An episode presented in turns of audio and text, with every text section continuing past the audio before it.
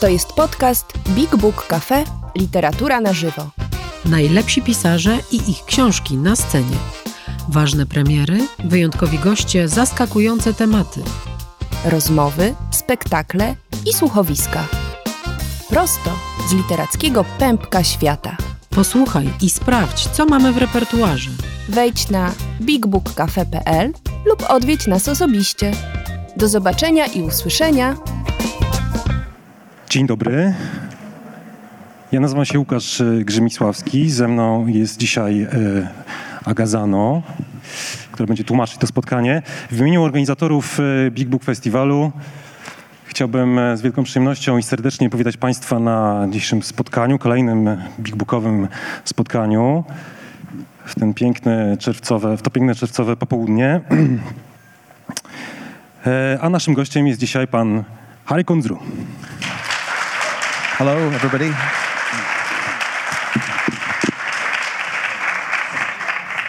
E, Ja tylko uprzedzę, że e, na, sam- na samym wstępie, że to trofeum, po, po którym może wielu, wielu z Państwa chciałoby się e, pokusić sięgnąć, czyli autograf na książce, będzie można uzyskać po spotkaniu na dole w sali barowej. Harry Kunzru to jest pisarz zapewne dobrze Państwu znany, bo od czasu debiutu 20 lat temu wszystkie jego kolejne powieści zostały przełożone na język polski. E, Podobnie zresztą jak na kilkadziesiąt innych języków. E, Autor urodzony w Londynie, w rodzinie hindusko-angielskiej. Dzisiaj mieszka w Nowym Jorku.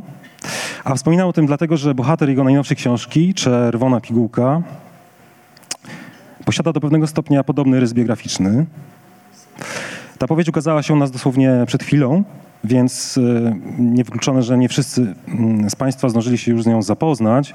W związku z tym z góry przepraszam za ewentualne spoilery ale niestety one będą nieuniknione, przynajmniej pewna ich ilość, ponieważ właśnie o tej książce będziemy dzisiaj rozmawiać. A jest o czym rozmawiać, ponieważ zaledwie, na zaledwie 300 stronach tej nowej książki pan Harry Kunzru zawarł mnóstwo tematów, takich jak wpływ internetu na to, jak dzisiaj postrzegamy świat, inwigilacja, wypalenie twórcze, heglowskie ukąszenie intelektualisty, amerykańska altprawica, wojny kulturowe, wreszcie faszyzm czający się w naszych głowach. Może zacznijmy od tego, że poznajemy bohatera Czerwonej Pigułki, gdy wybiera się na dłuższy pobyt do Wanze, podberlińskiej miejscowości, do 1942 roku, znanej głównie z tego, że jest to miejsce sam- samobójczej śmierci romantycznego poety Heinricha von Kleista. Natomiast od 1942 roku jako miejsce, w którym e, zdecydowano o realizacji największego zaprogramowanego ludobójstwa w historii. Proszę powiedzieć, czy był pan w Wanze i czy czuł pan brzemię tego miejsca? Brzemię, które przypomina niemalże Harry Potterowski Horcrux, który ściąga jak czarna magia na ludzi tam przebywających niebezpieczeństwo. Thanks, uh, Lucas. I just wanted to say before I answer, um, thank you all for coming to sit inside on, on such a hot day and listen to a conversation about books. Więc chciałabym zacząć od podziękowań e, Łukaszowi oraz Państwu wszystkim za to, że w tak gorący dzień zdecydowali się Państwo siedzieć e, w pomieszczeniu i słuchać o książkach.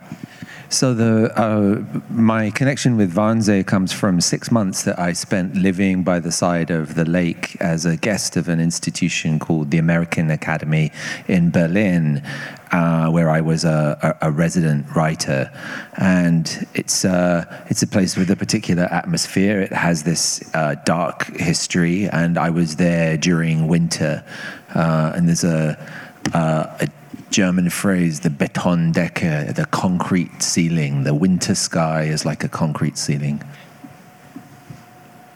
E, Tak, ja znam, znam Wannsee, dlatego że spędziłem w tym miejscu 6 miesięcy na rezydenturze literackiej jako pisarz. E, mieszkałem nad, nad jeziorem w Instytucie e, e, American Academy, która mieści się w Berlinie. Mm, I rzeczywiście byłem tam zimą, atmosfera panowała również taka bardzo mroczna e, i zarówno pogoda, jak i samo miejsce kojarzyło się bardzo z takim niemieckim powiedzeniem, które opisuje to jako betonowy sufit, że niebo wtedy wygląda właśnie jak taki szary betonowy sufit, więc taką atmosferę zapamiętałem z tego miejsca.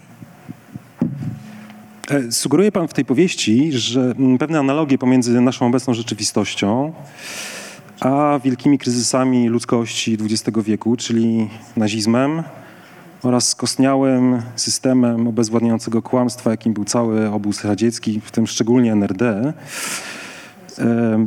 Bohater tej książki jest dręczony strachem ten, przed tym, że tamte koszmary mogą w jakiś sposób powrócić i, i że on nie będzie mógł w żaden sposób zapewnić bezpieczeństwa przede wszystkim swojej rodzinie, że znowu będzie trzeba uciekać, ale nie bardzo będzie dokąd. Czy to jest strach, który też Pana dzisiaj dręczy?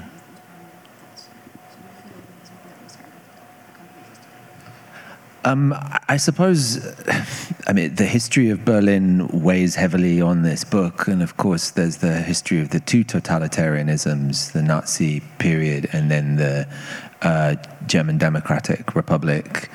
And uh, 21st century power doesn't function in the same way. It, it doesn't uh, have the same appearance. And so the parallels aren't direct, but we live in a moment where authoritarianism is on the rise again. And uh, my character is having this feeling that his reality, that reality is shifting under his feet.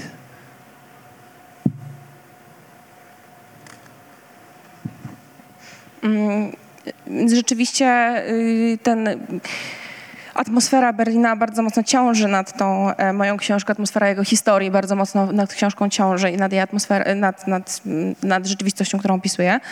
No i rzeczywiście, ale te dwa systemy, te dwa totalitarne systemy, które tak mocno dotknęły to miejsce, czyli zarówno e, historia nazistowska, jak i e, późniejsza z czasów NRD, mm, no, nie do końca no, te, te dwudziestowieczne, te, te historie dwudziestowiecznych totalitaryzmów e, nie przekładają się oczywiście jeden do jednego na historię dzisiejszą, natomiast e, kładą się gdzieś na tym cieniem, więc te, mm, te analogie może nie są jeden do jednego z tym, co się dzieje dzisiaj, natomiast e, warto zauważyć, że wiele z tych procesów gdzieś tam dzisiaj się odbija w dzisiejszej historii. Znów mamy mm, wzmocnienie myśli autorytarnych i, i, i tendencji autorytarnych e, na całym świecie i, i że dzisiejsza rzeczywistość znów ulega pewnemu przesunięciu. This was a feeling of anxiety that I had very strongly during the period when I was writing the book, and I began to understand maybe a little of what it might have felt to be alive in the late 1920s and early 1930s, and to see something coming towards you and to wonder whether now is the time to act and the horror that maybe you would act too late. And is this paranoia or is this uh, a reasonable fear and it's so hard to judge and you only know uh, afterwards? Więc książka w dużej mierze też jest takim odzwierciedleniem jakichś lęków, niepokojów, które czułem, kiedy, kiedy na nią pracowałam, kiedy ją pisałam. E, I jakimś moim, jakimś moim też dążeniu, zmierzeniu do zrozumienia, czy e, tych lęków, które odczuwano być może właśnie w latach 20. i 30. i mm, też tej atmosfery, w której być może, być może ci ludzie też mieli takie poczucie wtedy, że coś się zbliża, coś nadchodzi, ale również być może czuli taki niepokój, czy zastanawiali się, czy, czy rzeczywiście, czy to jest paranoja, czy to jest jakaś przesadna obawa, czy może rzeczywiście nadchodzi coś, czemu należałoby zapobiec, a jeśli tak, to czy nie jest już za późno i czy rzeczywiście to jest coś, czemu zapobiec można. No tak, bo tutaj chodzi o to, że w czasach przedcyfrowych yy, yy, kontrola nad społeczeństwem, totalna kontrola wymagała olbrzymiego aparatu bezpieczeństwa. A dziś taka ta inwigilacja też się odbywa, rzeczywiście, jak pan wspomniał, ale jest opakowana w zupełnie neutralne frazesy i realizowana za pomocą zwykłych algorytmów. I, i dobrowolnie oddajemy kontrolę, o czym wiemy, nad, nad swoją prywatnością korporacją z Doliny Krzemowej na przykład. W zamian dostajemy iluzję komfortu. ale być może to, że sztuczna inteligencja wie, zanim my podejmiemy decyzję, że tę decyzję podejmiemy na podstawie zebranych danych o nas, może to nie jest nic złego. Po prostu nie stoi za, nim, za nią żadny złowrogi reżim, tylko po prostu model biznesowy. I think it's a complicated question. I, I think this uh, bargain between freedom and convenience is one that we make all the time now. Um, but I'm also aware, as you say, that in the 20th century, the, the Nazis had the railway and IBM adding machines, and the, and the technological apparatus to control and number and uh, track people today is unprecedented. And we'd be very stupid not to examine that power and not to, to be concerned about its effects on our civil liberties. No jest to bardzo skomplikowane pytanie, bo po pierwsze rzeczywiście jest to pewna wymiana, której się dzisiaj dopuszczamy i jest to też wymiana w której no, sprzedajemy trochę naszą wolność za, za wygodę i, i, robimy to rzeczywiście cały czas. E, I musimy być tego świadomi, że, że tak się dzieje. Natomiast no, należy też pamiętać, że no właśnie w dwudziestowiecznych Niemczech w nazisto, i w, w XX wieku w nazistowskich Niemczech również e, naziści również mieli różne systemy, które zapewniały pewną wygodę. Tak, mieli komputery, maszyny liczące IBM, mieli, e, tworzyli mm, linie kolejowe, tak? tworzyli jakieś połączenia linii kolejowych i rzeczywiście też e, organizowali tę rzeczywistość w taki dość wygodny sposób. Mm, natomiast w dzisiejszych czasach no, ta taka, ten ciągły pęd do liczenia, do kontrolowania, do obserwowania, do y, tworzenia jakichś statystyk i śledzenia naszych, naszych ruchów jest rzeczywiście czymś absolutnie bez precedensu i bylibyśmy głupi, gdybyśmy to ignorowali i gdybyśmy nie dostrzegali w tym potencjalnego zagrożenia albo niebezpieczeństwa. E, pewien arogancki, arogancki filozof, który, którego bohater tej książki spotyka w Wanze, twierdzi, że prywatność to jest e, źródło wszelkiego zła, hipokryzji, skrywanych emocji, które permutują w ukryciu, żeby wybuchnąć ze szkodą dla wszystkich. I że poddanie się kontroli może posłużyć dla całej ludzkości trochę jak medyczna terapia. On przekonuje, że niektóre e, cywilizacje w historii, na przykład chińska, no, w ogóle nie znają konceptu prywatności, że to jest to fanaberia Zachodu, którego pęta w jakiś sposób. Dlaczego bohater tej książki odrzuca takie myślenie?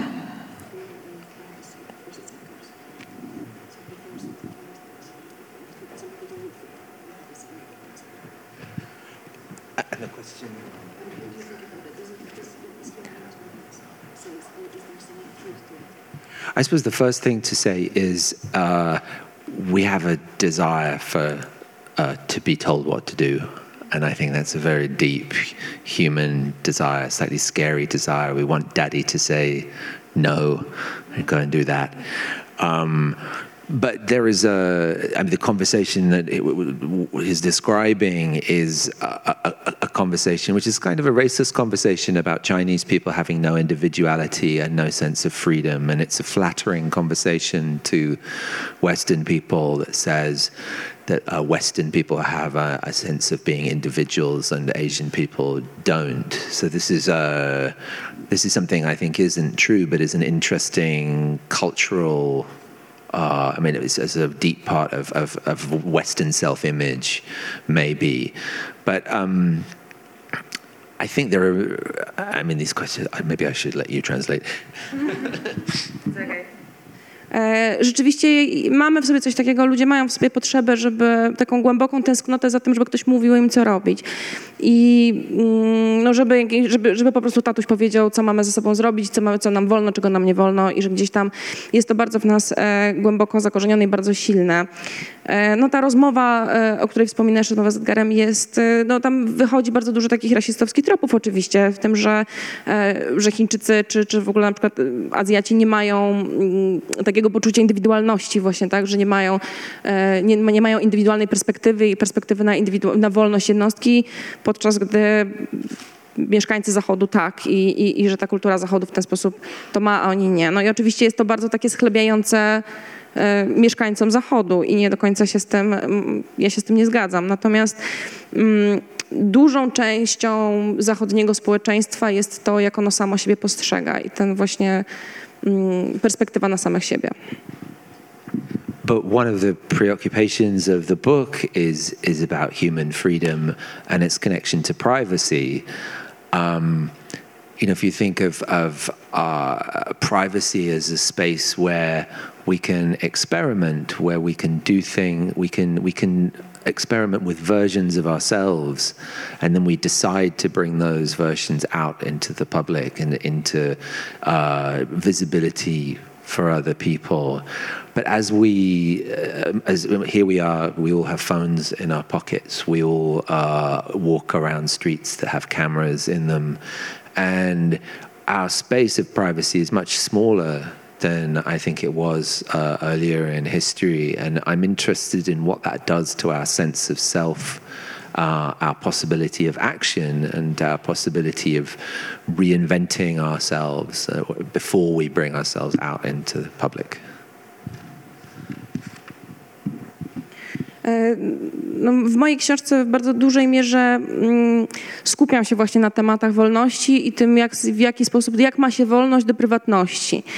E, I rozważam też e, te kwestie, że no, wolność i prywatność jest czymś, co również daje nam przestrzeń na eksperymentowanie z samym sobą i ze swoją tożsamością, poszukiwania swojej tożsamości i w jaki sposób kształtowania jej, zanim trochę zdecydujemy, jaką wersję siebie chcemy przedstawić publicznie, jaką wersję siebie chcemy pokazać światu. I to, mm, to jest coś, co dzisiaj staje się coraz trudniejsze. No wszędzie chodzimy z telefonami w kieszeniach, e, wszędzie otaczają nas aparaty i kamery.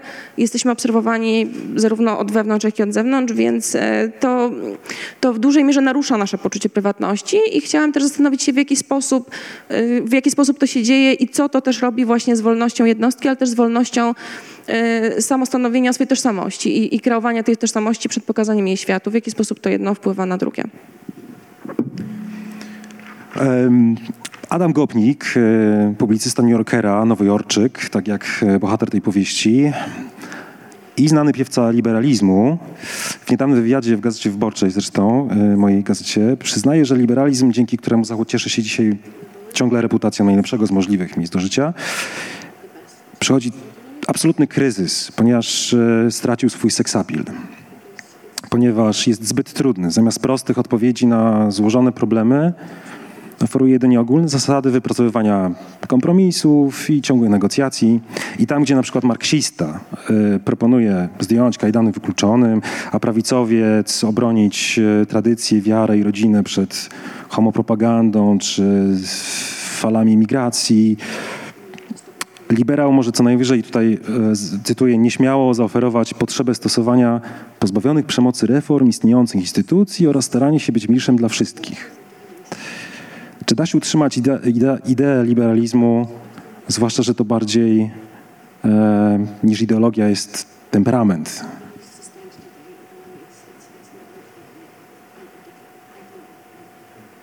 Well, I think, yes, liberalism is in crisis. There's no doubt about that. Um, but we need to understand what kind of liberalism we've had uh, in, in the last uh, generation or so. Um, the dream of neoliberalism is the dream of a separation of, uh, of the economy from politics, of making uh, big economic decisions, the, the preserve of, uh, of uh, technical people who understand these things, and insulating it from the passions and the, the desires of the vast mass of people. And certainly after the end of the Cold War, that was the, the vision that was sold to us. Um, but now we're seeing uh, a massive gap between the rich and everybody else opening up. And this version of liberalism has ceased to provide a good life for many people, and people are not seeing that there's a future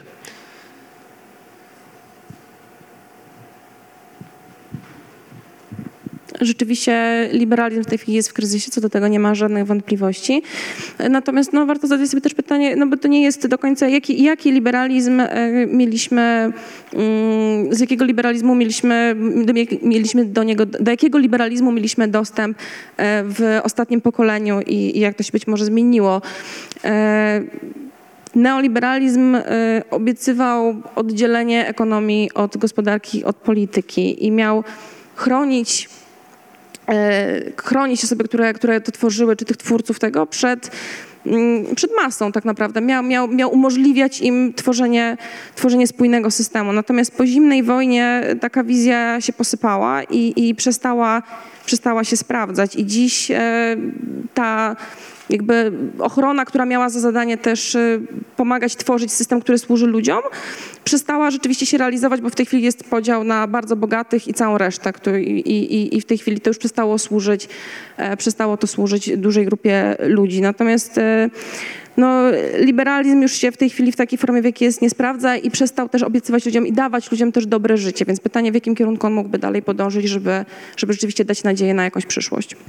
So, in, in my opinion, uh, I mean, most of the, the, the people on the populist right uh, are useful idiots for oligarchs.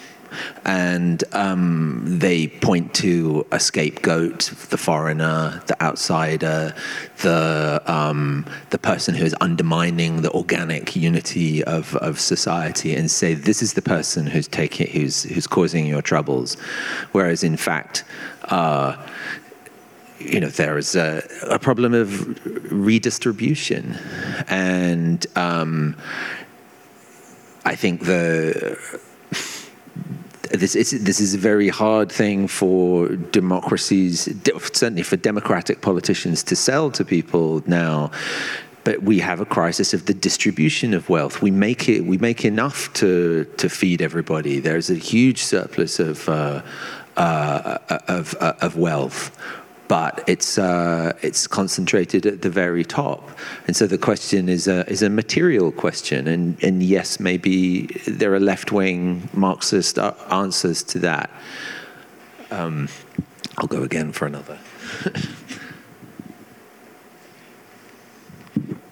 No i rzeczywiście dzisiaj większość prawicowych populistów tak naprawdę moim zdaniem to są po prostu przydatni, pożyteczni idioci, oligarchów. Tak? To są, e, służą oni głównie po to, żeby wskazywać na kozły ofiarne i żeby pokazywać, że to właśnie ten, ten z zewnątrz, ten obcy, ten inny, ten imigrant, ten e, niepasujący do, do głównego nurtu jest tym złym, tym, który niszczy nasz system i ten, który nam zagraża, podczas gdy w rzeczywistości największym zagrożeniem i największą krzywdą, jaka nam się dzieje, jest problem z redystrybucją mm, po prostu środków, tak, z, redystrybucją dóbr.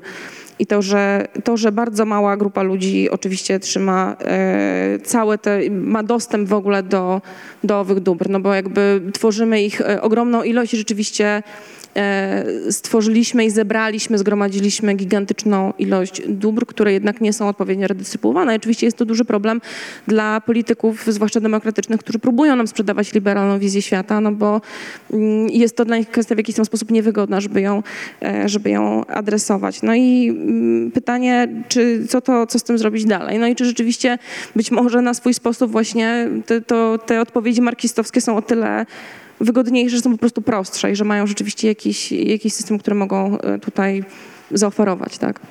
But as people here know very well, it's very easy uh, if you say, "Oh, I know how to take your money and give it to you." Um, you can you create another class of uh, uh, of, of, elites who uh, are unaccountable and have and have power over other people.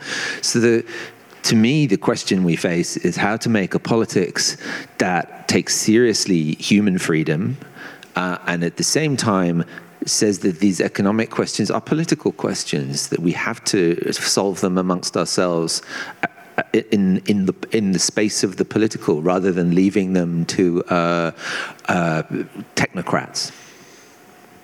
I mean, this is not an easy question. I mean, my God, I'm a novelist. I'm, I don't have these answers. No ale jak wiedzą Państwo, no zwłaszcza w tej części świata, no to bardzo łatwo jest e, powiedzieć, że e, powiedzieć, że wezmę Twoje pieniądze i dam Ci je z powrotem i wiem, co, co najlepiej powinieneś z nimi zrobić.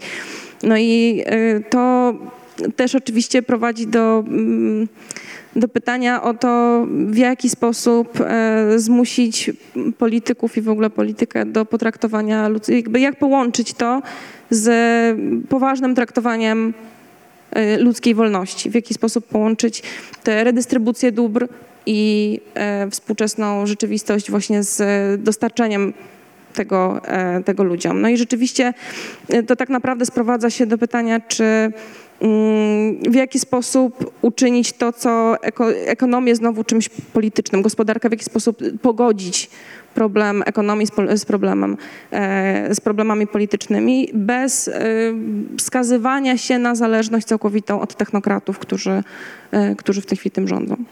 So now you need to ask me something easy, like whether I prefer to write with a pen or a pencil. Właśnie, za, właśnie zauważyłem, że nasza rozmowa dryfuje w, daleko od e, samej książki, więc wracając do niej. E, czytając czytając tę, tę pana książkę, zastanawiałem się nad faktycznym wpływem e, popkultury na nasze decyzje polityczne. Bo bohater tej powieści, muszą państwo wiedzieć, uzależnia się, będąc w tym wanze, E, i nie mając zbyt wiele do roboty, ponieważ ma blokadę twórczą, e, uzależnia się od oglądania kolejnych odcinków pewnego brutalnego policyjnego serialu, w którym aktorzy co pewien czas zwracają się bezpośrednio do widzów ze słowami zupełnie nie na miejscu. Otóż cytują mianowicie posępne kwestie ultrakonserwatywnego francuskiego myśliciela Josepha de Maistre. I to mi przypomniało serialu House of Cards, którym nikczemny polityk zwracał się bezpośrednio do widzów i w ten sposób, zupełnie jak Jagon w hotelu, i w ten sposób czynił nas poniekąd współodpowiedzialnymi za te intrygi. I w listopadzie 2016 roku, kiedy wydawało mi się, wydawało mi się, że ten niebywale wtedy popularny serial wręcz przygotował Amerykę na wybór Donalda Trumpa, ponieważ był tak sugestywny, tak dobrze symulował rzeczywistość za zamkniętymi drzwiami Kapitolu, sączył w podświadomość, że skoro prezydentem Ameryki może zostać morderca, to chyba nic wielkiego się nie stanie, kiedy wybierzemy na prezydenta zwykłego faceta, który mówi po prostu przynajmniej jak jest, prosto z mostu.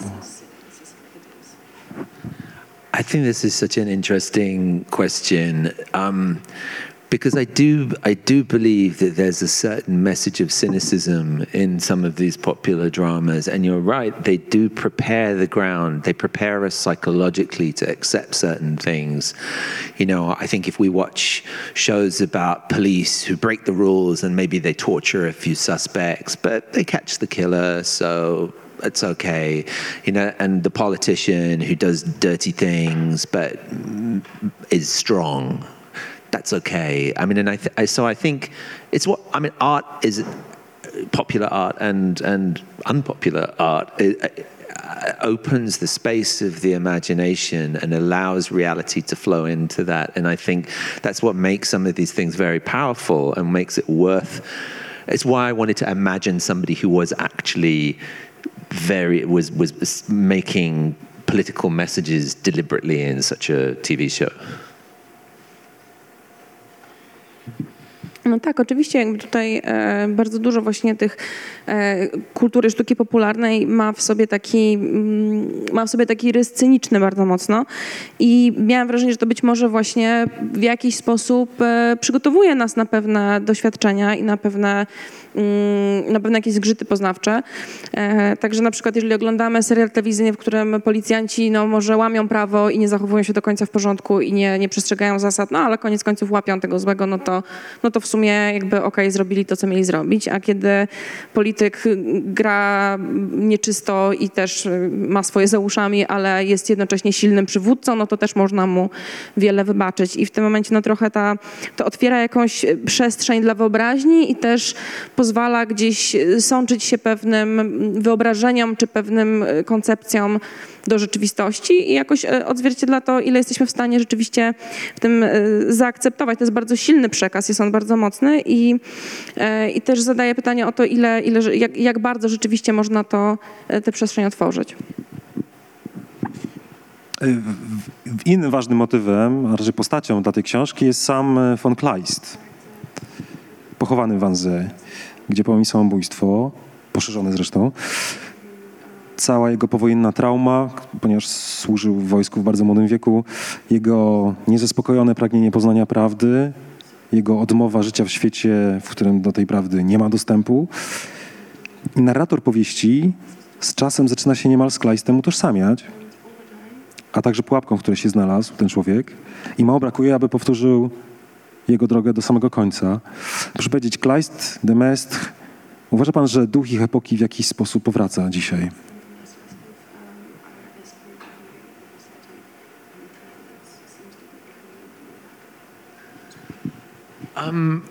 Yes, in a, in, in a sense, yes. They're figures of the Enlightenment and the counter Enlightenment, and there's so much thinking at the moment about the idea of Enlightenment values and um, whether it's possible to organize society in a rational way according to reason. No w pewien sposób tak. I tutaj e, rzeczywiście jest, widać takie duże odbicie refleksji nad tym, nad ideami e, oświeceniowymi, czy rzeczywiście jakiś powrót do, do racjonalizacji, do rozumu jest w jakiś sposób teraz możliwy. Mean, and so, I mean, Demestre is not a very well-known figure, I think, and but he was one of the great enemies of the French Revolution, and he believed in in the absolute power of God and the monarch, and that it was wrong to go against established power in any way. So he's become a kind of cult figure amongst a certain sort of extreme right person today. Tak, Demestr był rzeczywiście, był on, e, na przykład Demestr znowu był absolutnym wrogiem e, rewolucji francuskiej, był człowiekiem, który absolutnie wierzył w Boga i w, we władzę, we władcę i w ich absolutną moc i, i, i we władzę, jaką mają nad, nad, nad człowiekiem. No I rzeczywiście stał się przez to też takim obiektem wręcz kultu wśród pewnych prawicowych e, ugrupowań, chociaż no, w szerszych kręgach nie jest znany, ale, ale właśnie ze sprawą tych przekonań pewnych, w pewnych kręgach tak. And Kleist was someone who kind of imposed himself on the book. You know, I was living by this lake.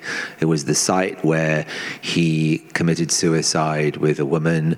Uh, who was not his lover, but was just a, a friend, and um, he it was very young, and they. He strikes me as a very modern figure in some ways, in that he was unable to accept that he didn't. Uh, have a full understanding of the world and and was I mean they say that he was possibly a, a, virgin when he died. I mean, he, he's very like what we call today an incel. Um, it has the same anger, often directed outwards to, to other people. He kept asking people to commit suicide with him. It was like a common theme. Like he would get drunk at a party and say, "Let's shoot each other." Um, and so yeah, he he fascinated me. I didn't want to be fascinated with him, but he kind of insisted that he was in the book. Tak, a znowu no właśnie von Kleist, e, von Kleist z drugiej strony trochę się narzucił mi do książki, sam się troszkę do niej wepchnął.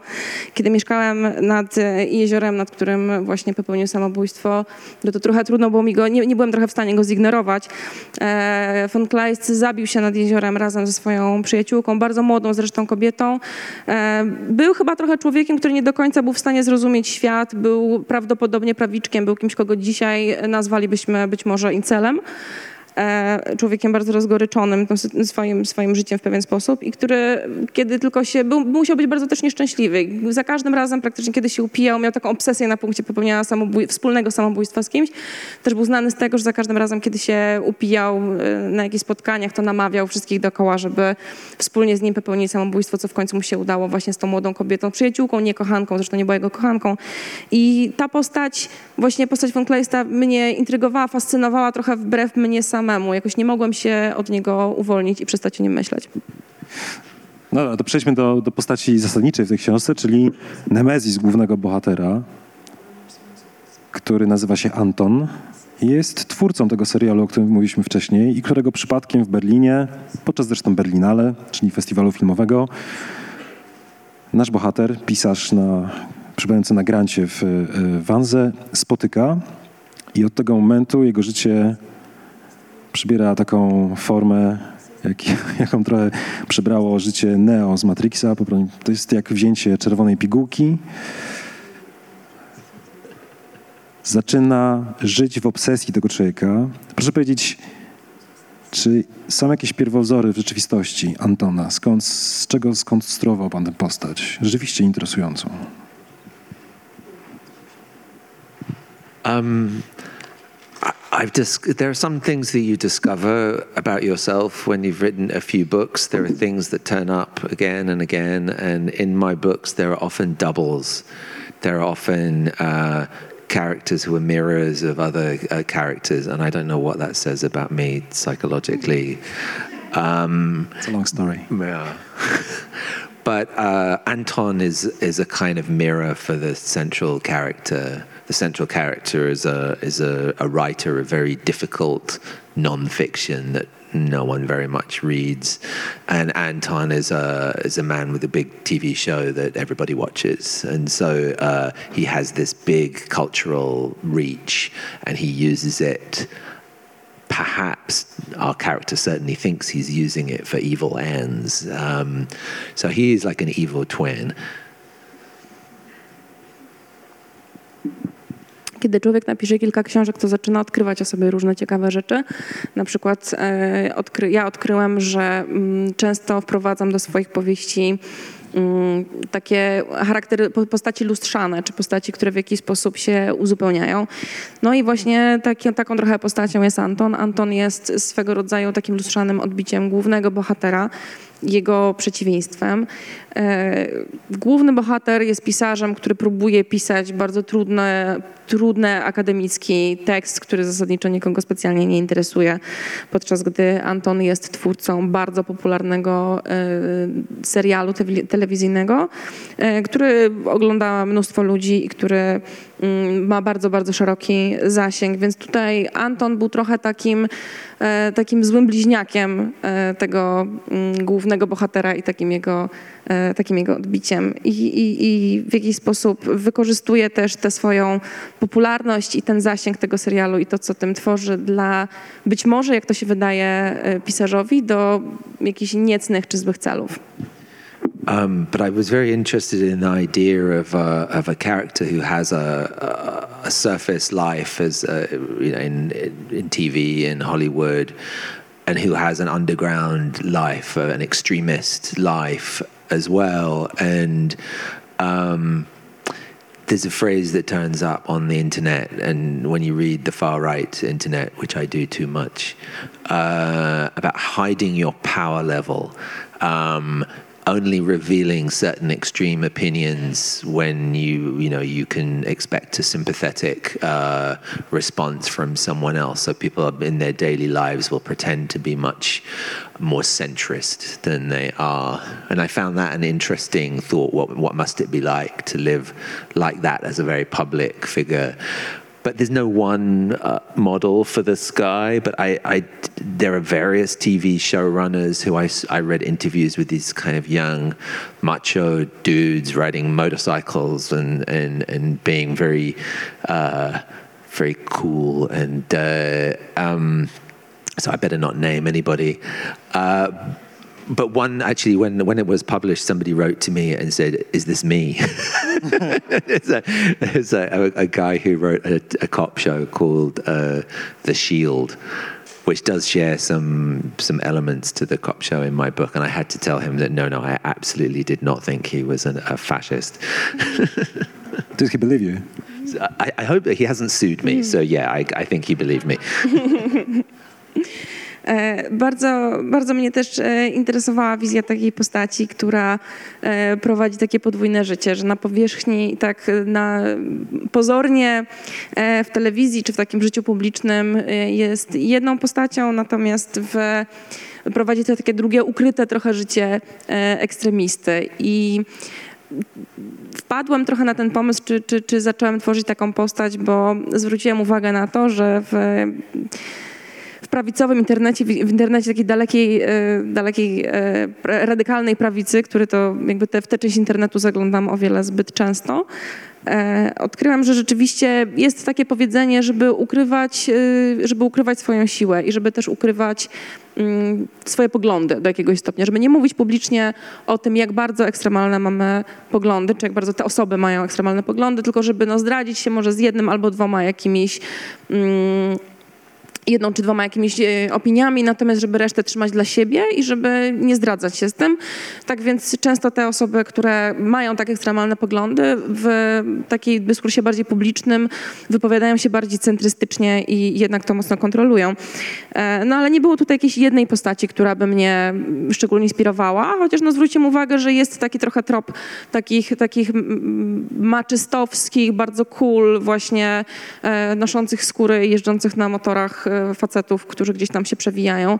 E, do tego stopnia, że i kiedy to wykorzystałem, kiedy wykorzystałem ten motyw i kiedy opisałem postać Antona, no to okazała się ona do tego stopnia trafna i wiarygodna, że rzeczywiście kilka, kilku osobom się wydawało, dostawałem jakieś wiadomości, czy to, czy też sam nie jest o mnie. Jedną z tych postaci właśnie osób był autor też takiego bardzo popularnego e, serialu o policjantach The Shield. E, I musiałem mu tłumaczyć, że nie, że jakby to jest przypadek i że tak naprawdę wcale no nie myślałem w tym momencie o nim, no ale trzeba się było gęsto tłumaczyć. Dobra, my, my, my, my wiemy, trzeba powiedzieć troszkę więcej niż bohaterowie pana powieści, ponieważ e, wiemy, że Trump nie został wybrany na drugą kadencję, ale wiemy też, że ktoś taki jak on może zostać wybrany ponownie do Białego Domu.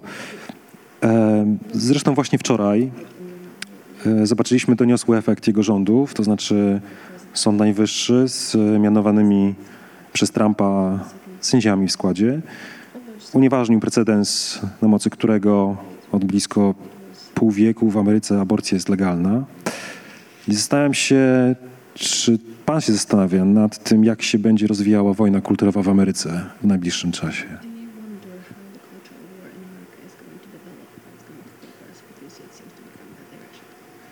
Uh, yes, I think uh, we're at the beginning of a, a, a very turbulent phase in American politics and, and, and, and maybe elsewhere as well.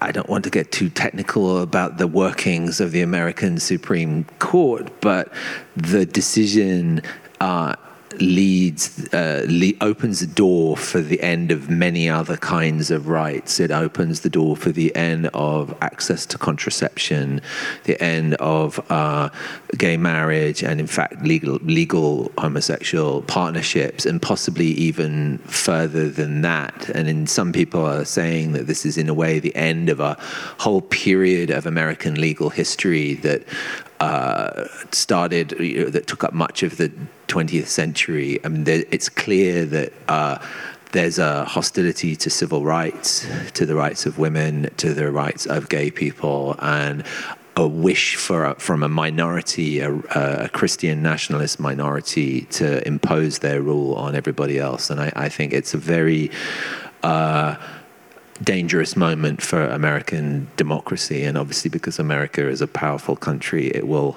uh, it, it, gives signals to other uh, groups in other countries as well.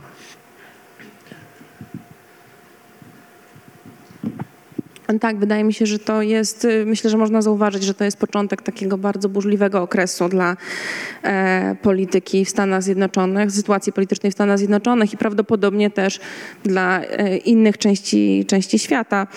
Mm, decyzja Sądu Najwyższego, no tutaj nie chcę się rozwodzić nad, nad szczegółami, natomiast jest ona o tyle istotna, że otwiera bardzo wiele drzwi, nie tylko dla tej jednej decyzji, ale że być może z praktycznych względów będzie mogła wpłynąć na bardzo wiele decyzji i bardzo wiele procesów, jakie będą później się odbywały w stosunku do wolności e, obywateli, bo może ona wpłynąć równie dobrze w krótkim czasie na ograniczenie albo w ogóle zakończenie dostępu do antykoncepcji, do, na ograniczenie możliwości małżeństw homoseksualnych albo w ogóle związków e, zalegalizowanych związków partnerskich e, i być może nawet jeszcze większej liczby wolności obywatelskich. One mogą zostać w konsekwencji tej jednej decyzji, one mogą zostać Amerykanom odebrane. No i wydaje mi się, że w związku z tym jakby to wygląda, jakby to był koniec pewnej e, epoki amerykańskiego dwudziestowiecznego prawodawstwa właśnie skierowanego na mm, nadawanie tych pewnych wolności i w dużej mierze stanowi to odbicie niechęci, takiej narastającej też niechęci do praw obywatelskich, do praw mniejszości, praw, e, praw gejów, praw kobiet, praw osób homoseksualnych. E, I amerykańskie mm, ruchy chrześcijańsko-nacjonalistyczne, które są w mniejszości, ale które mają bardzo dużo, w tym momencie bardzo duży wpływ, e, bardzo mocno się starają rzeczywiście tę wolność E, obywatelom odebrać i bardzo mocno na te prawa wpływać. Więc jest to, jest to jakiś sygnał dużego spadku amerykańskiej demokracji. Obawiam się, że ze względu na to, jaką pozycję Ameryka zajmuje na świecie, będzie ona też takim mocnym sygnałem dla innych krajów, co może też mieć konsekwencje właśnie nie tylko dla, dla nas, dla naszego kraju, ale też właśnie dla wielu innych. Opisuje Pan w tej książce przewagę, jaką mają w, na forach internetowych i w mediach społecznościowych wyznawcy różnych nurtów kontestacyjnych, reakcyjnych, e, ultrakonserwatywnych, autorytarnych. Czy wyobraża pan sobie sytuację, w której taka sama przewaga może zostać przez nich osiągnięta na przykład w literaturze?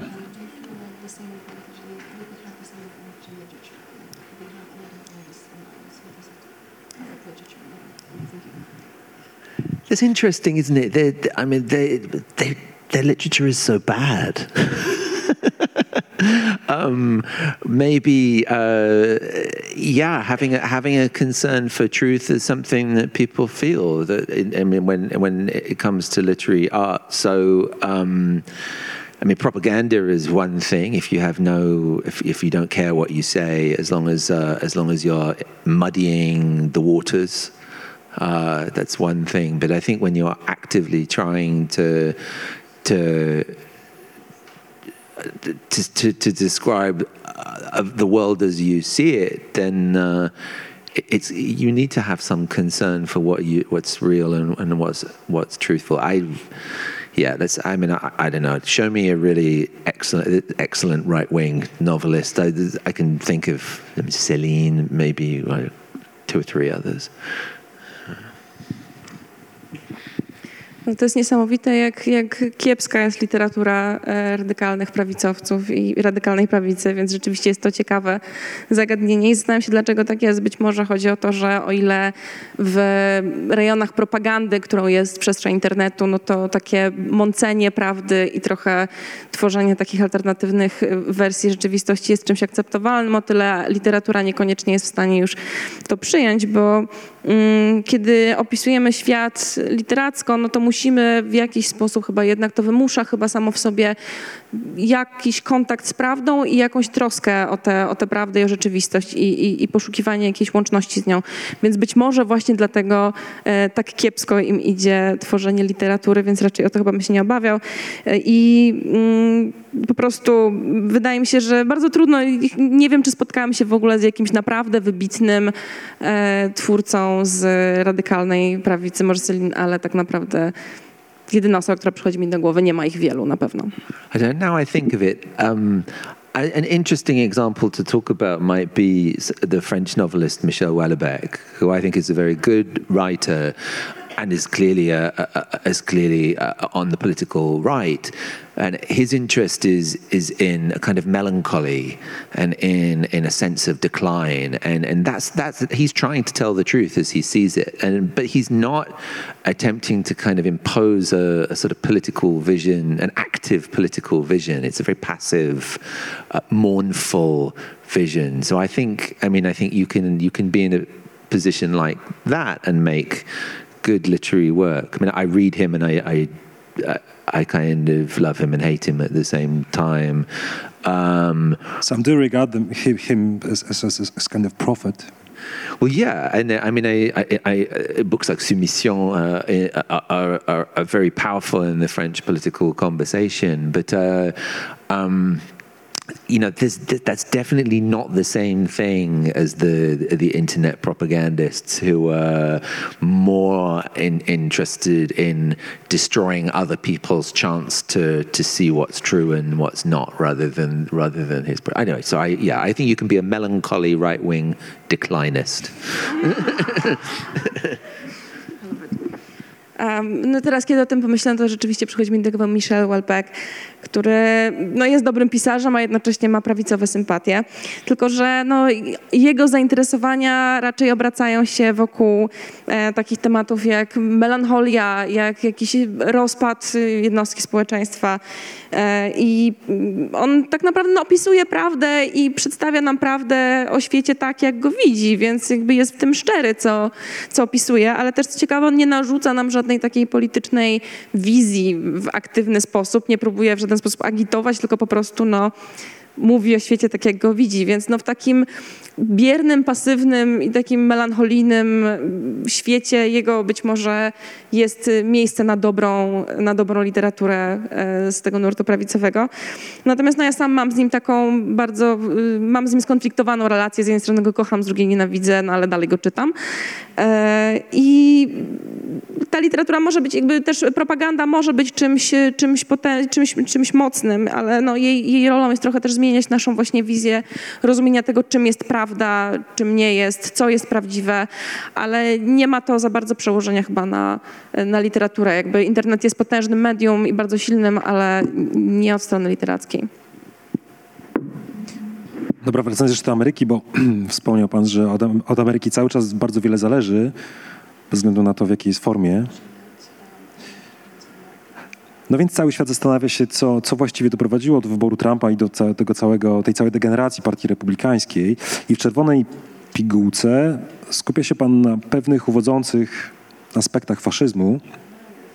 No ale równie dobrze można założyć, że wyborcy Trumpa w powiedzmy Oklahomie wcale niekoniecznie są zakutymi rasistami, którzy wyznają jakieś spiskowe teorie wielkiego zastępowania, ale decydowali się na Trumpa z powodów klasowych. Bali się swojej degradacji, utraty statusu, dostrzegają, że amerykański sen nie działa, że nie, nie, ma, nie ma już awansu społecznego w Ameryce.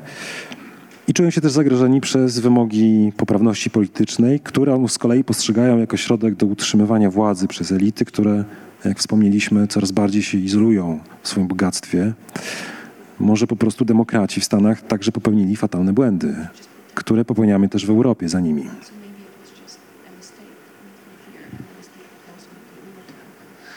Um, I think there is a myth that the of the of the uh, working class Trump voter who's uh, terrified of the uh, liberal elites. Demographically, the people who kept who put Trump into power were actually small business people, often quite wealthy, often often suburban.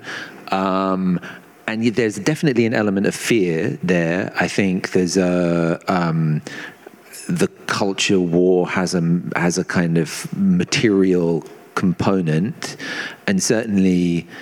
Um, there's an old phrase in American politics: the wages of whiteness and, and and this is a this is a phrase from the sociologist W. E. B. Du Bois, the black sociologist from from the early part of the 20th century, and it's a kind of uh, uh, uh, you know the the superiority that you have as a white man in America over everybody else that gives you that edge, even if you don't have money in your pocket, you're still you still have your your skin color, and there's in the years after the Civil Rights Act and the demographic changes in, in America, there's definitely that the kind of threat to white hegemony is, is part of it. So um, I don't forgive the Trump voters. I don't forgive them, uh, and I, I, I, but and I think it's very um, it's important not to buy the idea that there is this some sort of legitimate working class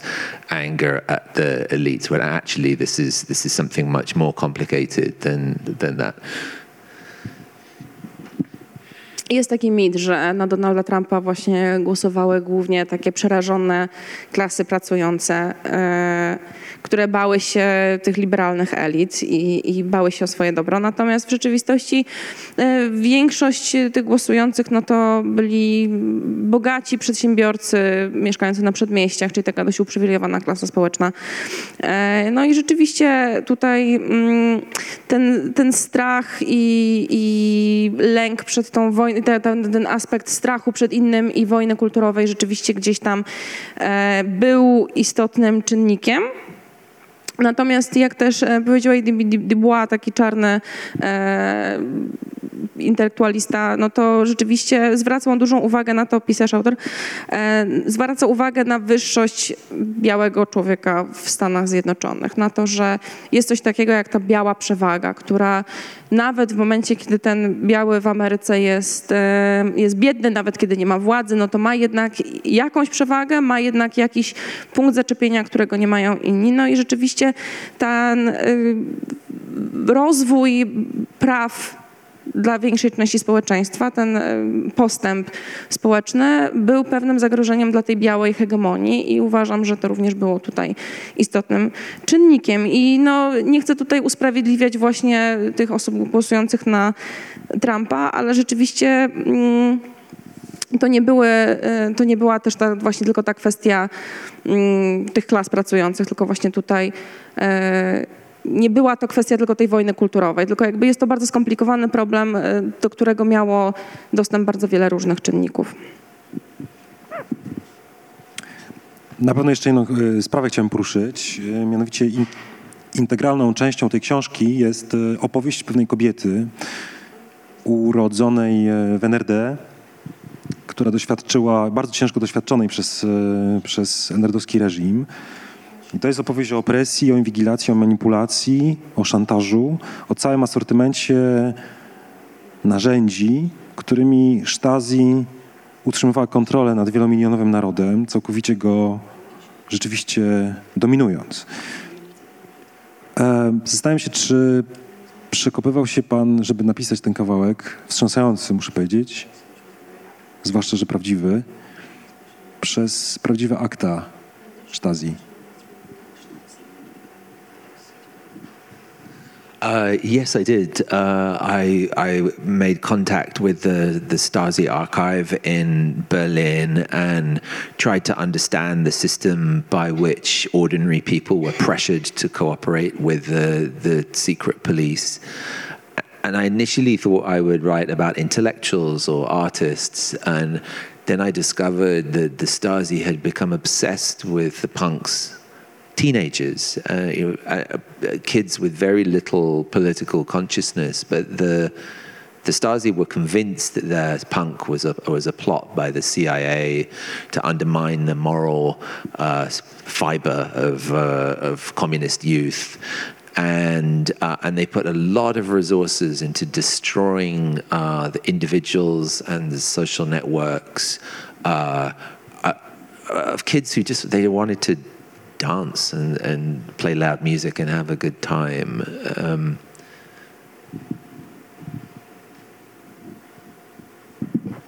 e, Tak, kiedy pracowałam nad książką, skontaktowałam się z archiwum Sztacji w Berlinie e, i, i odkryłem, no na początku no, odkryłem, że nie wygląda, jakby nie, nie, odkryłam dużo rzeczy, których wcześniej się nie spodziewałam. Zastanawiałam się nad tym, jak to możliwe, że ten system w tak skuteczny sposób e, zmuszał ludzi, właściwie wszystkich mieszkańców do, do jakiejś większej czy mniejszej współpracy.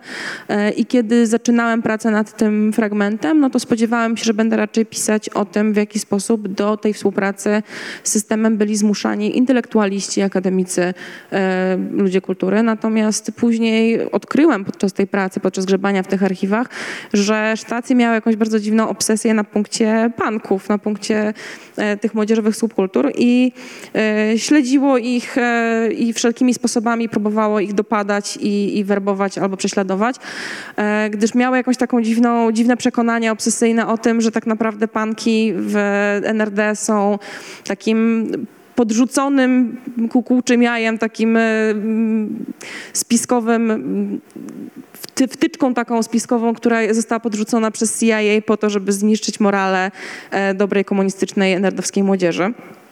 E, I E, zastanawiałam się, jak to możliwe, że właśnie z taką obsesją oni e, próbowali prześladować te tak naprawdę no, dzieciaki, które tylko chciały się dobrze bawić i które być może chciały tworzyć jakąś wspólnotę, tańczyć, a tutaj nagle stały się, znalazły się na celowniku, na celowniku autorytarnej, totalitarnej organizacji.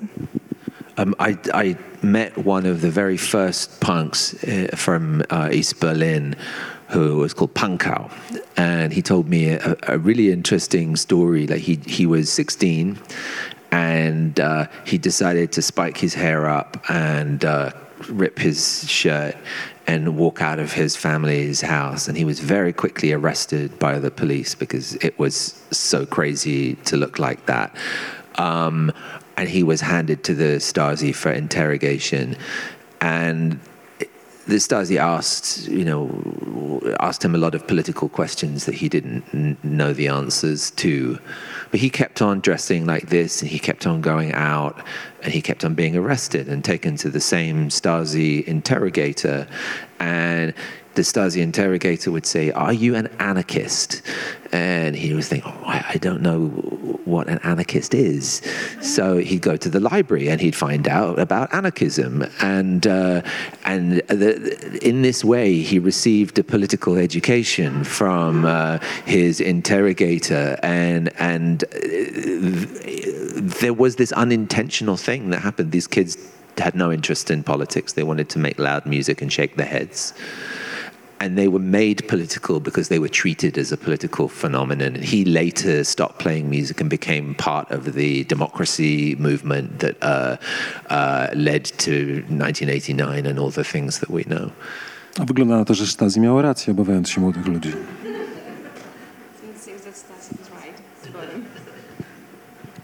They saw something in him. The boy had potential. Um, tutaj I tutaj ciekawa historia, bo... I forgot about sorry. Taki wiem, że dużo z Państwa rozumie, ale, ale jednak muszę tutaj przetłumaczyć. E, wiem, że e, pamiętam, jak poznałam w ogóle, tutaj ciekawa historia, poznałam jednego z pierwszych w ogóle mm, panków e, we wschodnim Berlinie, który nazywał się Panko e, i który no, opowiedział mi o tym, jak uciekł z domu, jak sobie postawił włosy tam na cukierek, sobie ufarbował, chciał mieć rokeza e, i bardzo szybko zgarnęła go policja, no bo wyglądał tak absurdalnie, że nie dało się go nie zauważyć i nie mógł nie wzbudzać podejrzeń. Został ściągnięty na przesłuchanie do stacji, gdzie e, zaczęto go wypytywać o różne polityczne sprawy, o których on nie miał zielonego pojęcia. No to w końcu go wypuścili. Mm, on dalej robił swoje, dalej był złorany przez policję, dalej był ściągany na przesłuchania do stacji, dalej go wypuszczali i tak w kółko. E, I no, nie umiał odpowiadać im w ogóle na te pytania, ale że sztat ciągle go pytało, czy jest anarchistą, nie wiedział, co to znaczy. No to w końcu uznał, że no dobra, no to pójdzie do biblioteki i sprawdzi, co to jest ten anarchista. No i rzeczywiście poszedł, sprawdził e, i w ten sposób e, otrzymał tak naprawdę przypadkiem od stacji całą swoją edukację polityczną, no bo w końcu musiał się dowiedzieć, o co go pytają. E, więc e, było to ogólnie to upolitycznienie panków okazało się czymś dość przypadkowym i takim, taką reakcją sprzężoną, że panki były dzieciakami, które chciały się dobre, dobrze bawić mieć swoją społeczność, e, tańczyć, skakać i grać głośną muzykę. Natomiast przez to, że zostały tak ściągnięte na celownik stacji, no to też się siłą rzeczy właśnie wstecz, wtórnie upolitycznili dzięki temu, czy, czy za sprawą tego. No a co ciekawe, właśnie ten, ten, ten mój kolega, którego tam poznałem, rzeczywiście później zaangażował się w politykę i, i w różne ruchy polityczno-aktywistyczne, które doprowadziły do przemian e, do lat 90. No więc w sumie no to chyba stacji się w jego e, kwestii jakoś tak bardzo nie pomyliło. No zauważyli, że chłopak ma potencjał. No. Ponieważ w tej chwili kilkaset kilometrów od tego miejsca, zaledwie, kiedy my tutaj tak już się bawimy, toczy się regularna wojna. Chciałem zapytać, czy myśli pan regularna wojna? Czy myśli pan, że ona sama albo jej konsekwencje będą tematem dla literatury w najbliższym czasie? Czy może dla Zachodu jest po prostu zbyt egzotyczna? Czy może dla Zachodu jest zbyt egzotyczna?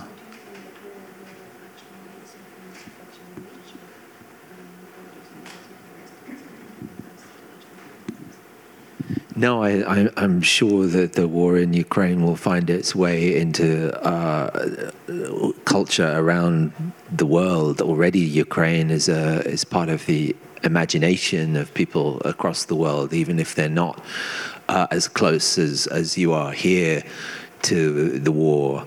Um, it it brings this question again of, of, of individual human freedom versus authoritarianism. It, it seems to take us back to uh, the 20th century. I mean, I'm, I see the posters around Warsaw that remind us of the parallels between Warsaw in, in 1944 and, and uh, Eastern Ukraine today. Um, and uh, yeah, so I, I don't know. I mean, I, I, I would expect that uh, people will want to listen to Ukrainian voices and listen to Ukrainian writers in a way that they haven't before because the Ukrainians are, are going through something that is uh, all of our worst nightmare.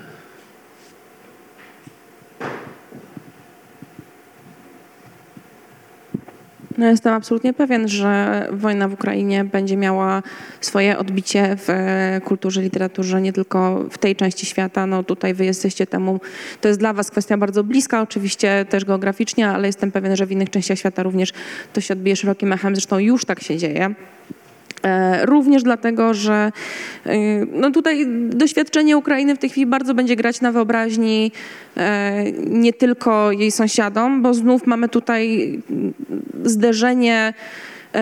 To jest to pytanie, to o zderzenie z jednej strony wolności, a z drugiej kontroli, której się gdzieś tam próbuje poddawać całe społeczności, całe społeczeństwa. Ja też zresztą chodząc po Warszawie zauważyłem plakaty, na których zwraca się uwagę na, które zwracają uwagę na podobieństwa i takie mm, na podobieństwa między doświadczeniem dzisiejszym Ukrainy a e, Warszawą 1944 roku. No i rzeczywiście wydaje mi się, że e, w dzisiejszym świecie ludzie będą chcieli słuchać o doświadczeniu Ukraińców, będą chcieli słuchać e, ukraińskich głosów i ukraińskich pisarzy, ukraińskich twór, twórczyń, twórców, bo to, przez co ci ludzie przechodzą, to jest w tej chwili najgorszy koszmar Zachodu, więc e, jest to ucieleśnienie wielkiego lęku, który mamy, więc na pewno też jest to doświadczenie bardzo jest to doświadczenie bardzo dojmujące takie i, i które będzie chciano być, chciane być wysłuchane w innych częściach świata również. No dobrze, no mogę tylko dodać jeszcze na koniec y, z swojej strony, że głównego bohatera opowieści Czerwona Pigułka ostatecznie jednak ratuje miłość, co jest, to współgra jakoś z dzisiejszym dniem w Warszawie, Dniem Parady Równości. A teraz chciałbym Państwa y, zachęcić do tego, żeby zadali Państwo własne pytania do Pana Harry'ego Kunzru.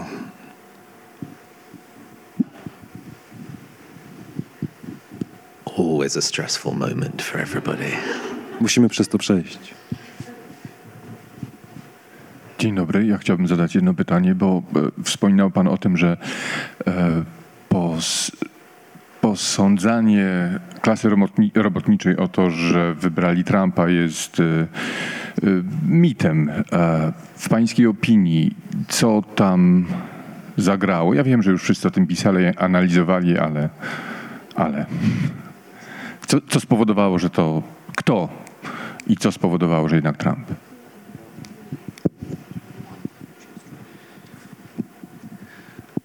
I mean, I think uh, the Democrats had a terrible candidate in Hillary Clinton as well. There was an appetite for change, and she represented uh, the establishment. So there was definitely a desire to. Um, uh, to poke the eye of the of the establishment. This is this is true, um, but um, there. Uh, I think the, the, the, the alliance of, of the Republican Party consists of religious conservatives and, um, let's say, economic uh, liberals, uh, economic free market people. And so there was a, um, a sense that. Um, you know that was that's the, usually the alliance that, that puts Republicans into power in, in the U.S. and and for Trump it was no different.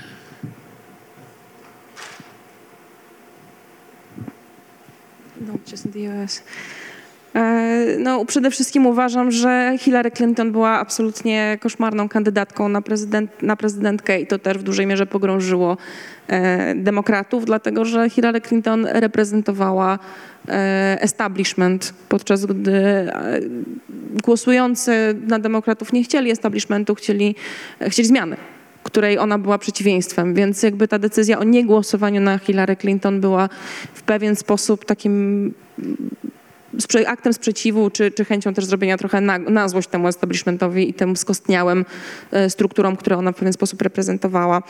E, Natomiast no, mm, jest, taka, jest takie połączenie, które zwykle sprawia, że prawica wygrywa w Stanach wybory i to jest połączenie mm, właśnie mm, republik- e, partii republikańskiej, e, środowisk mocno religijnych e, i i, i zwolenników wolnego rynku, takich, e, takich właśnie liberalnych, ekonomiczno-libera, ek, ekonomicznych liberałów, którzy właśnie e, wzywają do, do wolnego rynku. I kiedy te trzy frakcje, czyli właśnie e, polityczna prawica, religia i wolny rynek się gdzieś tam spinają razem, no to to zwykle właśnie sprawia, że republikanie wygrywają wybory i tak też stało się tym razem.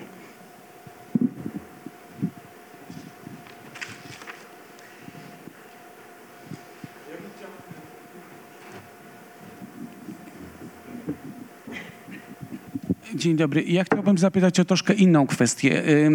Pan tu wspominał o muzyce punk, ale w swojej powieści Białe Łzy odwołuje się pan do bluesa. I chciałem zapytać, czy pana zainteresowanie, bo to jest taka y, ścisła penetracja tej muzyki i tych korzeni bluesowych. Czy też pan y, interesuje się y, w ogóle bluesem? I, bo to jest taka jakby, no trudno to nazwać encyklopedią, ale to na pewno jest coś, co dla przeciętnego słuchacza y, czy y, człowieka zainteresowanego bluesem jest y, taką y, kopalnią. Więc moje pytanie jest takie, tutaj mamy y, historię z tym punk rockiem. Czy pan y, rzeczywiście tak interesuje się muzyką? Jeśli tak, to co, czego pan słucha na co dzień?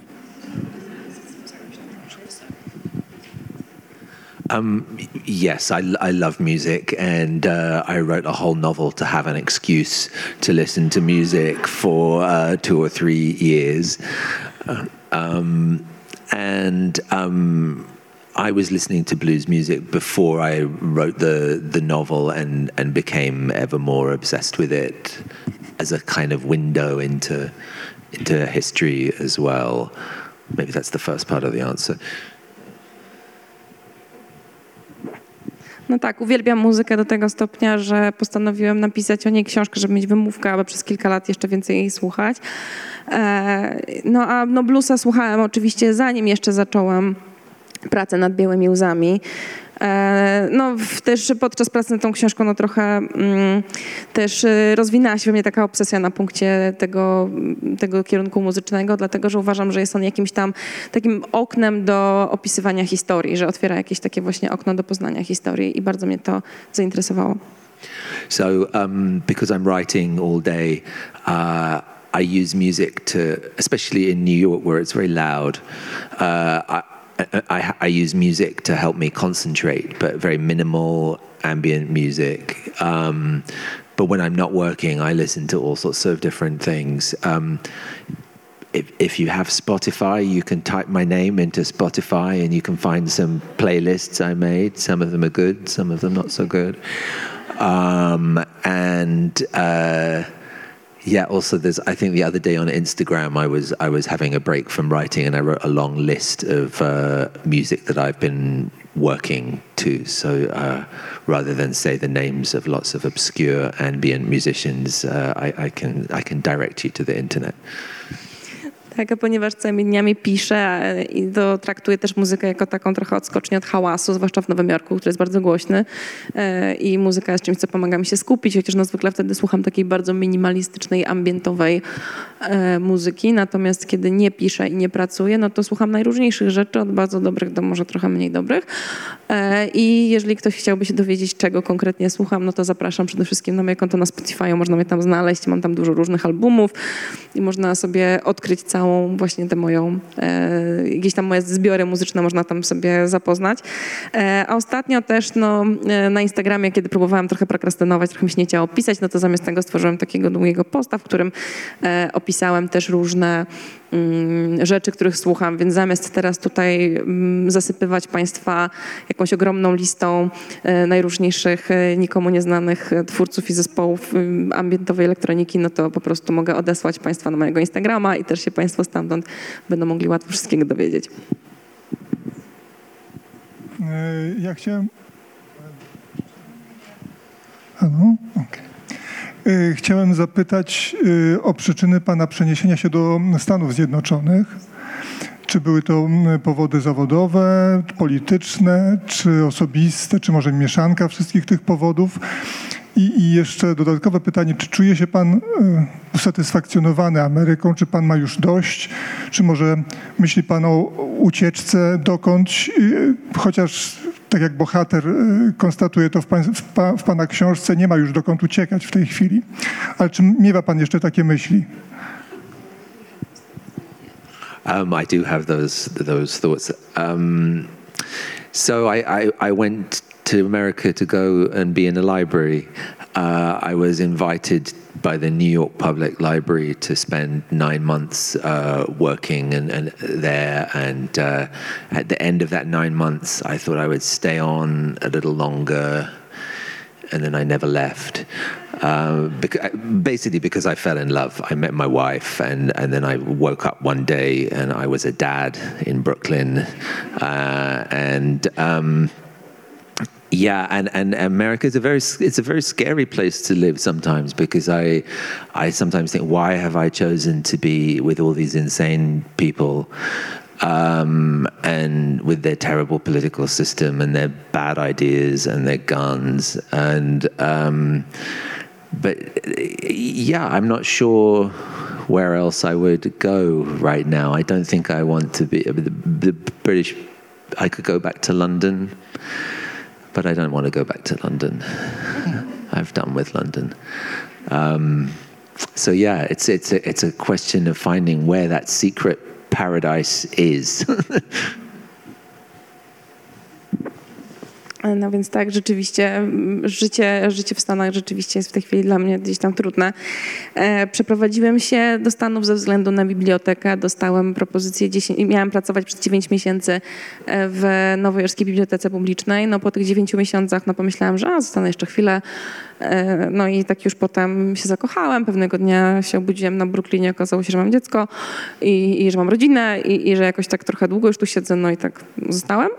E, Natomiast no, rzeczywiście często się zastanawiam nad tym, jak to się stało, że zamieszkałam i zostałam w Stanach Zjednoczonych, bo często mnie ten kraj przeraża. Wydaje mi się, że z wielu powodów straszny. Dlaczego, dlaczego siedzę w tym przerażającym kraju z pokręconym systemem, z dostępem do broni, z ludźmi, którzy mają tyle naprawdę potwornych pomysłów e, na politykę i na rzeczywistość. Ale no, trochę nie wiem, e, nie jestem pewien, dokąd miałbym się udać.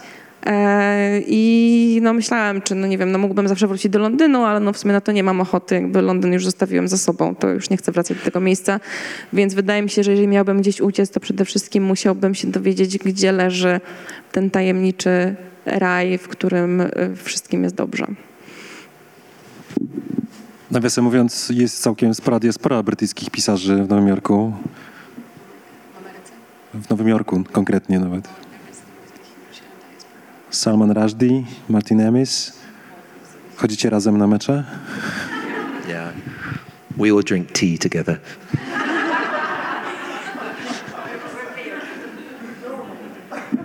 Na mecze może nie chodzą, ale chyba stworzą razem jakiś zespół. Salman Rushdie mówił kiedyś w wywiadzie dla nas, że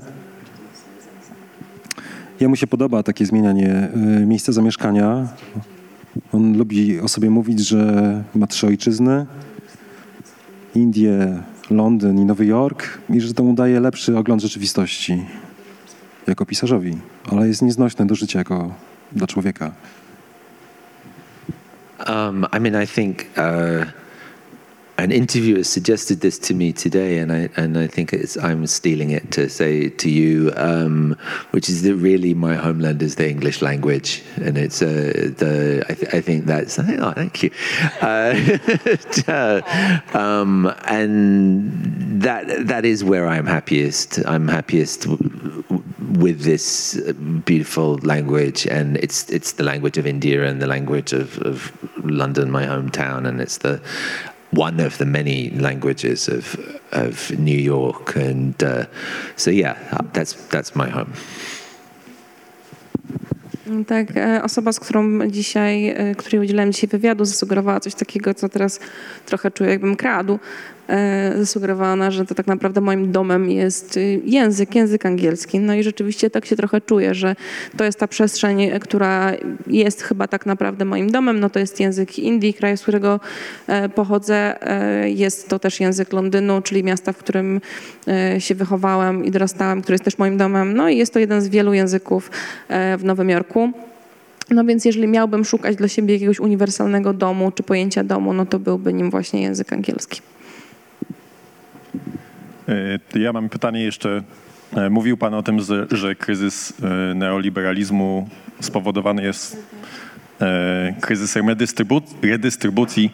Ja chciałem zapytać, na ile ten kryzys i neoliberalizmu, i demokracji, i też sukces skrajnej prawicy jest spowodowany brakiem, jest spowodowany właściwie nieopowiedzianymi historiami ludzi z prowincji. Ja od roku żyję na, na polskiej wsi, trochę w Puszczy Białowieskiej, trochę na Mazurach a, i widzę, że z tamtej perspektywy więcej wiem o tym, jak wyglądał ślub Larry Gessler, jak wyglądała jej sukienka, ale nie wiem nic o życiu ludzi mieszkających w Ełku, w Hajnówce, w Swarzędzu, a tym bardziej na wsi. I się zastanawiam, czy to nie jest sposób na odbieranie ludziom godności i czy oni też nie próbują w ten sposób jakoś się zemścić. Oczywiście dostają pieniądze, ale przy okazji chcieliście aborcję, to nie macie aborcji. Chcieliście Trybunał Konstytucyjny, to nie macie Trybunału Konstytucyjnego i tak dalej, i tak dalej. Więc skracając, jaką rolę w tym wszystkim, co się dzieje, pełni, pełnią nieopowiedziane historie.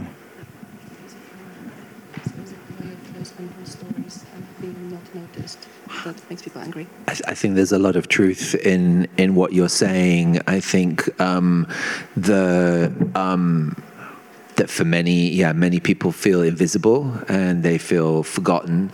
And it's it's an uncomfortable thing that people who live in big cities have more in common with people who live in other big cities in other countries, often than they do with the people in the hinterland uh, around around those cities. And so, I, I mean, the word dignity came up, and I think I think that's a very important political word for now. You know, we talk a lot about freedom as uh, and, and, and human flourishing as, as liberty, the freedom to do things, but also just the dignity to be recognized as a as a full human and to have uh, to be seen by other people, to be visible to other people is very important. So uh, uh, I, think that analysis has a lot of truth. Myślę, że jest w tym pytaniu dużo prawdy, w tym, w tym spostrzeżeniu. I rzeczywiście tak jest, że dużo ludzi, również młodych, czuje się dzisiaj niewidzialnych. I to jest pewna taka niewygodna prawda, że ludzie w dużych miastach mają tak naprawdę często więcej wspólnego, czy czują, że mają więcej wspólnego z ludźmi z dużych miast w innych krajach, niż ze swoimi rodakami z małych miejscowości, z, terenów wiejskich, z terenów właśnie dalekich od tego, od tego świata dużego miasta.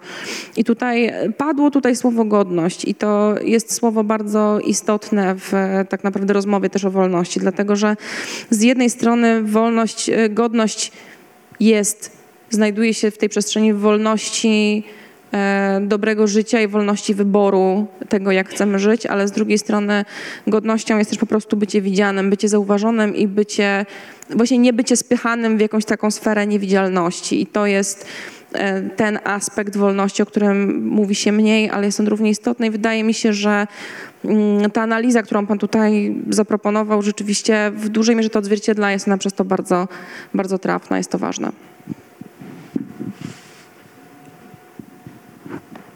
Proszę Państwa, naszym gościem dzisiaj był pan Hari Kunzru. Thank you all for listening. Thank you so much. Thank you and, and thank you.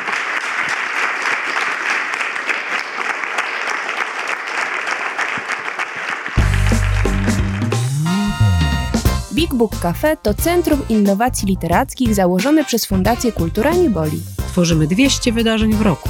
Prowadzimy wege kawiarnię i księgarnię pełną dobrych książek. Big Book Cafe. Żyjemy czytaniem.